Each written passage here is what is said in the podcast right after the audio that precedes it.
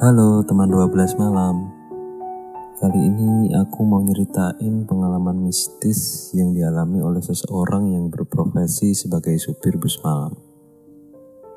Namanya Pak Yosep. Saat itu Pak Yosep melakukan perjalanan dari Bogor sekitar jam 7 malam Menuju pada Herang Cipatujah arah Pantai Pangandaran lewat Cidaun, Cianjur Selatan Kebetulan Pak Yosep beroperasi sendiri karena teman kerjanya sedang kurang sehat. Ia pun menyetir selama lima jam. Sekitar pukul 12 malam, sampailah Pak Yosep di Sukanegara dan berhenti sejenak untuk istirahat. Kebetulan di situ ada warung yang masih buka. Ia pun bergegas menuju warung dan memesan segelas kopi. Setelah menghabiskan segelas kopi, Pak Yosef mulai melanjutkan perjalanan. Setelah melakukan perjalanan beberapa jam, waktu menunjukkan pukul setengah tiga dini hari. Kurang tahu daerah mananya, yang pasti Pak Yosef sudah melewati Cidaun.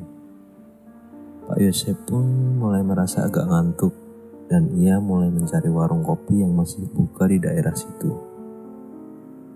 Dalam perjalanannya, Pak Yusuf menemukan warung kecil di pinggir jalan yang masih buka. Dari depan, warung tersebut terlihat remang-remang karena hanya diterangi beberapa lampu lentera. Pak Yusuf pun langsung masuk ke warung tersebut dan memanggil pemiliknya. Pemilik warung yang ternyata seorang perempuan itu pun mulai menyahut dan menghampiri Pak Yusuf. Pak Yusuf pun duduk dan segera memesan kopi. Melihat kondisi warung yang sepi, Pak Yusuf pun bertanya kepada perempuan itu. Mbak jualannya sendirian aja. Perempuan itu pun menjawab. Enggak pak, ini saya jualan sama suami saya. Kebetulan suami saya sudah tidur di kamar. Dan biasanya warungnya juga masih tetap buka pak. Soalnya jam segini banyak supir truk yang mampir buat sekedar ngopi kayak bapak. Perempuan itu pun menyuguhkan secangkir kopi ke Pak Yosef. Selang beberapa saat, Pak Yosef merasa makin lama duduk di warung ini makin ngerasa nggak nyaman.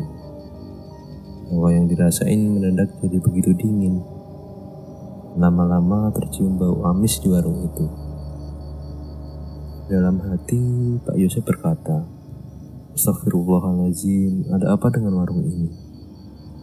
Sambil menyalakan rokok, Pak Yusuf pun mulai meminum kopi yang ia pesan tadi. Mendadak, kopi itu terasa sangat dingin dan terasa hambar. Ia pun mulai curiga dengan warung ini. Dan saat itu pula badan Pak Yusuf terasa sangat berat dan mulai keluar keringat dingin. Ia pun bergegas keluar menuju ke bus karena hendak mengganti bajunya yang lumayan basah karena keringat dingin. Ketika sudah sampai di dekat bus, Pak Yusuf dikejutkan dengan sesuatu yang berada di jalan raya. Saat itu Pak Yusuf melihat ada kepala anak kecil mengelinding ke tengah jalan raya. Dan di jalan raya itu, ia juga melihat seorang perempuan yang seisi perutnya terurai keluar. Sebelah wajahnya hancur dengan rambut yang terkelupas sampai kulit kepalanya. Tangan perempuan itu melambai-lambai seperti ingin meminta tolong ke Pak Yusuf. Karena ketakutan, Pak Yusuf pun mulai memejamkan matanya. Tapi rasanya berat sekali. Matanya benar-benar seperti nggak mau ditutup. Ia pun nggak sengaja menoleh ke warung tadi. Dan yang Pak Yusuf lihat adalah di depan warung itu ada seorang perempuan yang sedang menangis sedih seperti meratapi sesuatu. Wajahnya benar-benar pucat pasi. Dan yang mengerikan adalah sorot mata perempuan itu seperti penuh dendam dengan mulut yang mengerikan. Tiba-tiba Pak Yosef dikagetkan oleh suara klakson truk yang berhenti tepat di belakang busnya. Ada tiga armada truk yang parkir berjejer di belakang bus Pak Yosef. Lalu para pengemudi truk tersebut menghampiri Pak Yosef dan bertanya mengapa Pak Yosef berdiri sambil bengong di tempat tersebut. Pak Yosep pun menceritakan seluruh kejadian yang dialaminya tadi. Menurut cerita dari para sopir truk tadi, ternyata daerah yang sedang dilewati Pak Yosep ini merupakan daerah angker. Warung yang disinggahi Pak Yosep tersebut rupanya sudah tidak ada. Menurut cerita, dulunya memang ada warung di situ.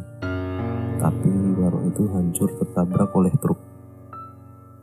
Keluarga pemilik warung itu pun meninggal di tempat karena terlindas truk tersebut. Setelah ada kejadian yang dialami Pak Yosef tadi, akhirnya salah satu dari ketiga supir truk tersebut memutuskan untuk menemani Pak Yosef menuju tempat tujuan karena takut nanti Pak Yosef kenapa-napa di jalan. Demikianlah cerita pengalaman mistis yang dialami Pak Yosef ketika sedang bekerja menjadi supir bus malam.